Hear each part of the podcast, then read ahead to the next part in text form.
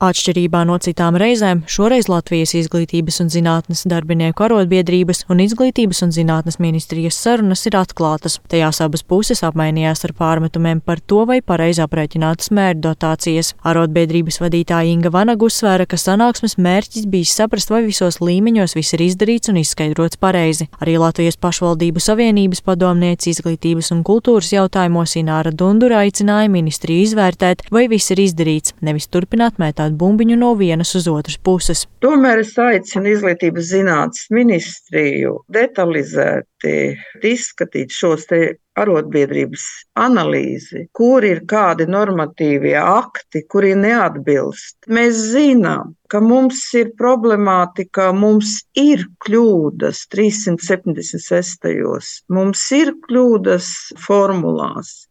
Un vienkārši izlikties un pateikt, ka viņu nav, tas nav godīgi. Kā galvenos iemeslus, kāpēc solītā algas pielikuma vietā dažiem pedagogiem alga pat sarukusi, min skolēnu skaita vai darba slodzes samazinājumu. Vairākām pašvaldībām nesot pieticis ar valsts mēru dotāciju, tā uzsver arotbiedrības vadītāja Inga Vanaga. Viņa skaidro, ka problēma esot aprēķinu metodikā, kas jau sākotnēji izstrādāta uz nekorektiem datiem, un lai gan šobrīd izstrādātas jaunas formulas, tomēr iepriekšējās metodikas nav pielāgotas. Visas iesaistītās iesaistītās puses atzīst, ka zilons ir tomēr te trauku veikalā un ka problēmas ir. Un problēmas ir gan izglītības iestāžu, gan pašvaldības, gan nacionālā līmenī ar šiem visiem mērķitācijas jautājumiem, ar uh, tiesību aktu arī piemērošanu, ja, un ar naudas sadalījumu. Arotbiedrības dati liecina, ka daļai skolotāja algas samazinājušies par dažiem desmitiem eiro līdz pat 200 eiro. Pedagogus, kuru algas ir starukušas, Vanaga aicina nesamierināties un vērsties pie iestādes vadības, pašvaldības pašvaldības vai pat arotbiedrības vai valsts darba inspekcijas. Izglītības un zinātnes ministrija apliecināja, ka izprot arotbiedrības bažas par mēru dotācijas aprēķinu korektumu, tāpēc šobrīd notiekot darbs pie programmas finansējuma modeļa izstrādes, kam būšot caurskatāmāka finansējuma piešķiršanas kārtība. Turpina Izglītības un zinātnes ministrijas parlamentārā sekretāre Silvija Reinberga no jaunās vienotības. Mēs šobrīd runājam par diviem procentiem,